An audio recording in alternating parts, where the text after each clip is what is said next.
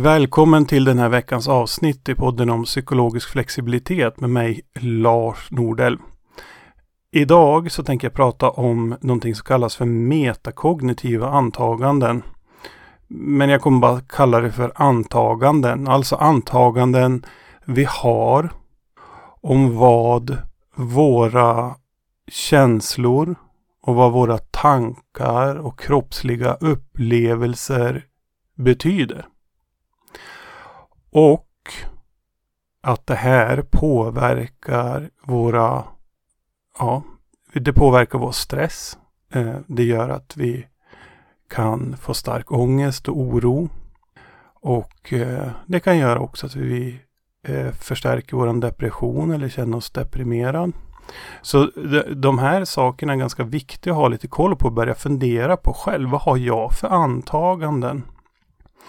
Om vi tar ett exempel om eh, någonting som inte gör, rör våra tankar och känslor eh, på det viset som jag ska prata om idag. Alltså att eh, eh vi tänker någonting i världen utanför oss. Och eh, så tänker vi oss att det kommer, det är mörkt. Och det kommer en, eh, en person mot dig i, när du är ute och går. Och den här personen har en mask på sig och så sen så har den någonting långt i sin hand som du inte riktigt kan se. Eh, det ser ut som att det kan vara en yxa eller kniv eller Men vad händer då? Utifrån dina erfarenheter med dig. Du kanske blir rädd, eller hur? Du kanske känner ett ganska starkt obehag. Det gjorde jag i alla fall när jag mötte en person som kom så här. Och han skulle ju till en fest så han, han var inte ute för att mörda någon eller illa någon utan han var bara um, han hade liksom ingen känsla eh, för, eller så var det det han ville att folk skulle tycka att det var lite obehagligt. Men jag utgick ju då ifrån mina kunskaper och erfarenheter som jag har. Sånt jag har fått ifrån som jag liksom eh, tagit med mig i livet. Eh, gällande sånt här. Det kan vara saker jag sett på tvn. Eh, det kan vara ja, allt möjligt som jag liksom kom i kontakt med som har bildat mina erfarenheter. Och utifrån det då så har jag antaganden och det startar ju sin tur, i, i, sin tur då i det här fallet och massa reaktioner hos mig. Jag vart ju rädd och tänkte vad det är för galning och nu måste jag passa mig. Och, sådana saker. Och det fick ju mig att vidta vissa åtgärder liksom. Eh, jag höll ju för det första fokus på den här. Jag tittade på den här väldigt mycket. För att ha koll. Eh, jag såg till att ha distans. Jag kollade om personen som sagt skulle röra sig snabbare eller sådär när jag gick förbi. Och med det sagt, nu vill jag bara att du, att du har det här liksom i huvudet. Just det här med att hur vi kan uppleva så, någonting som hot bygger också på våra erfarenheter. Och eh, hur kommer vi då in på det här med metakognitiva antaganden? Jo, det kan ju faktiskt vara så att vi har föreställningar om eh, att olika tankar och känslor inte är bra för oss. Och eh, jag har skrivit några exempel här som jag tänkte jag skulle liksom ta upp som jag tyckte var ganska bra, som är lätt att, att känna igen sig för många. Och ett sådant antagande, metakognitivt antagande som man kan ha, det är att jag måste ha positiva tankar för att kunna prestera på topp. Och vad gör det med en person då som har stora krav på sig? Man vill kunna prestera på topp. Det kan vara inom idrott eller det, det kan vara ja, på jobbet. Alltså, vad, vad händer med den personen om den har de här föreställningarna om att man måste ha positiva tankar för att kunna prestera på topp? Ja, man kan ju tänka sig att den här personen kämpar ganska mycket för att just tänka positivt. Kanske, kanske så mycket att det blir ett problem. Att den blir stressad om den har negativa tankar. För att det är ju förknippat med att han eller hon inte kommer att kunna prestera. Ett annat antagande kan ju vara om en kroppslig reaktion. Och då kan antagandet låta så här. Om jag känner mig yr är det ett tecken på att jag håller på att bli utbränd. Och vad händer då med personen? Om personen har det här antagandet. Att om jag känner mig yr så håller jag på att bli utbränd. Säg att man har en historia av att bli utbränd. Ja, då blir man ju väldigt stressad, eller hur? För precis som det här antagandet med den här personen som jag mötte så upplevs det här ju som ett hot. Utifrån de idéer och tankar jag har kring yrsel så upplevs det ju här som ett hot. Jag blir ju väldigt stressad och mår inte alls bra och blir väldigt fokuserad på det här. Men i själva verket, och det är ju det här som också är viktigt att förstå, så kan man ju faktiskt både prestera på topp trots att man har negativa tankar och man kan bli yr. Och det behöver inte alls innebära att man håller på att bli utbränd. Men om vi har en ganska stark uppfattning om någonting så kan det också göra att vi börjar må väldigt dåligt och det i sin tur gör att vi försöker bekämpa det. Till exempel kan man ju tänka sig då om det är så att man har en idé om att jag vill inte, jag vill inte byr eller jag får inte byr.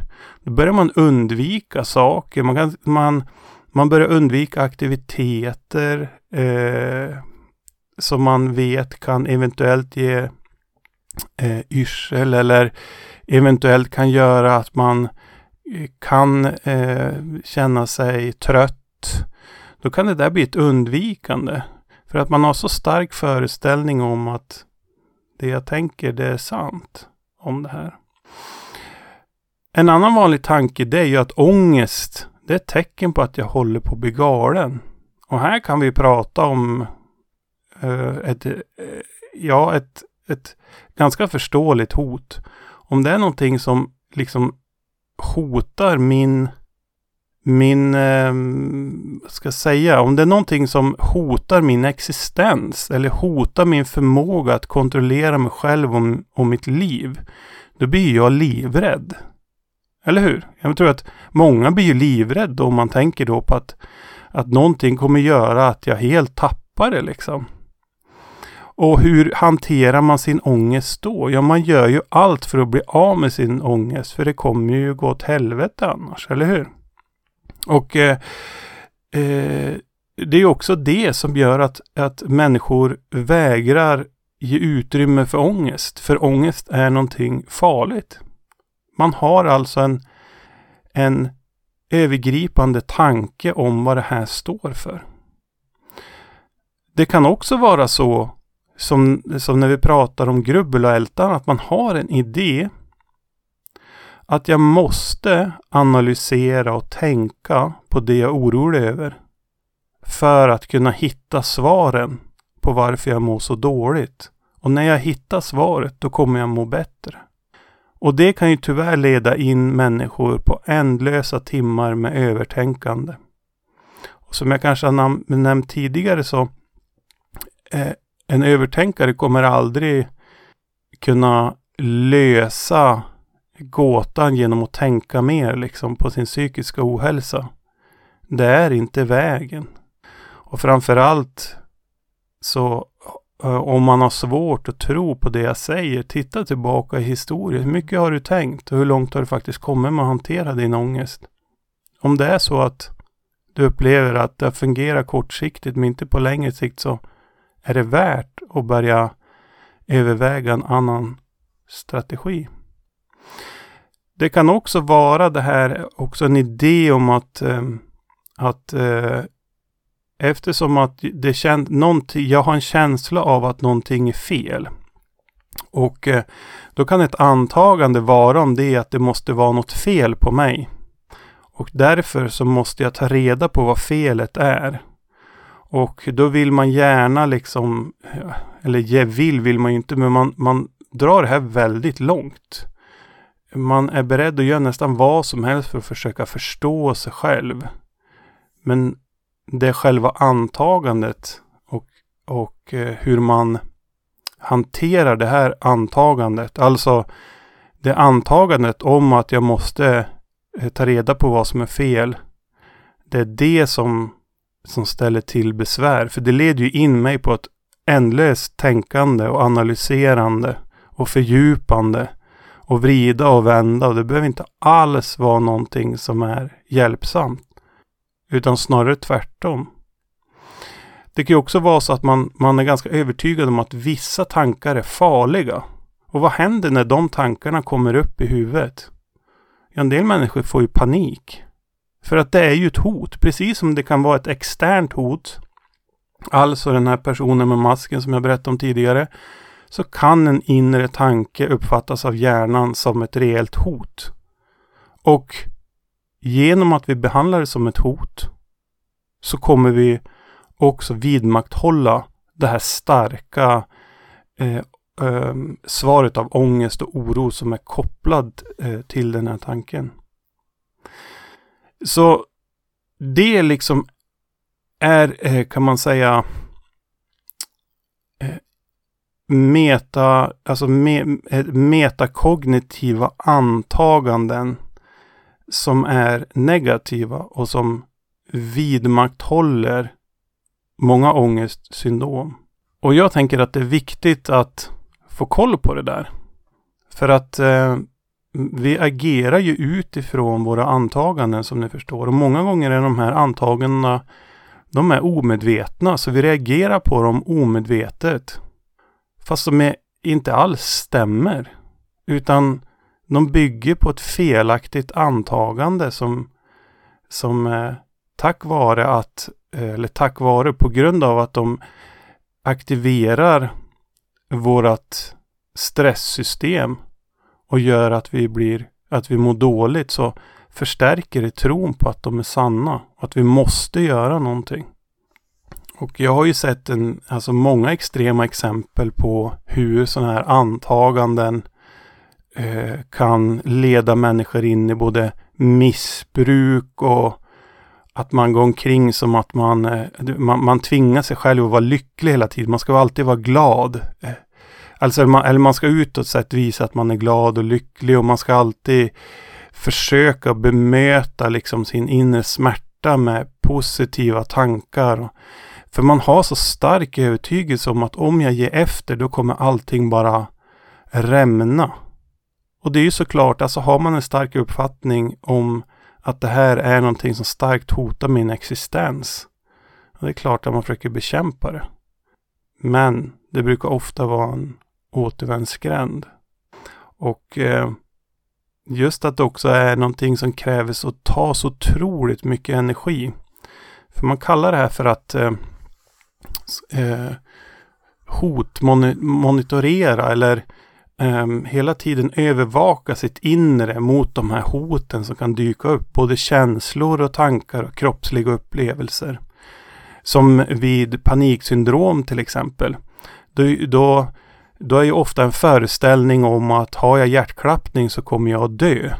Och det är klart då att, att den föreställningen, det antagandet om hjärtklappning, att man blir livrädd eh, för det och då försöker man hela tiden hålla koll på det här. Man tittar inåt hela tiden och samma sak kan man också vända blicken mot sina tankar liksom. Tankarna måste vara rena, de måste ha ett visst innehåll för att annars kommer det liksom gå åt skogen.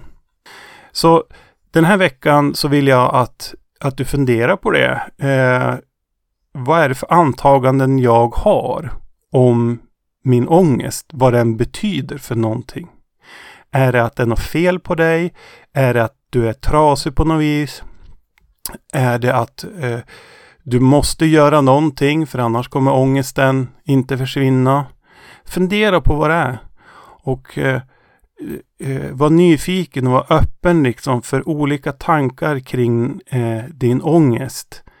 Försök att bara eh, liksom eh, tänja på ditt perspektiv på vad ångest faktiskt kan vara.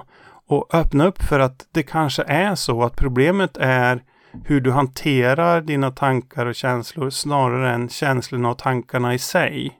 Att det är det som är grunden till ditt problem och att det inte alls är något fel på dig. du är inget konstig, du är inte eh, du kanske har haft det tufft i livet från din barndom och sådana grejer. Men att, att det som idag gör att du lider så mycket. Det är faktiskt hur du hanterar det här och nu. Och att du på det viset också kan snabbt börja må mycket bättre genom att hantera det på ett annorlunda sätt. Och jag säger inte att det här är lätt.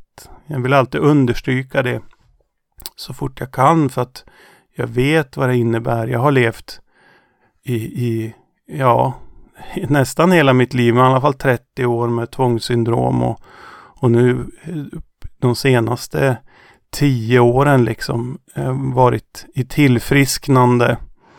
Så att det här med att ha jobbiga tankar och hamna i massa antaganden om det och undvikande och försöka på alla möjliga sätt att bli av med dem. Det, det har jag ganska god kännedom om. Jag vet att det inte är lätt. Men jag vet att alternativet det är betydligt jobbigare att hålla på med.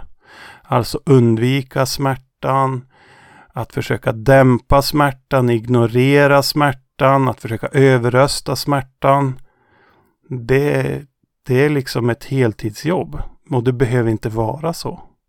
Så till nästa vecka, ha det så bra så hörs vi.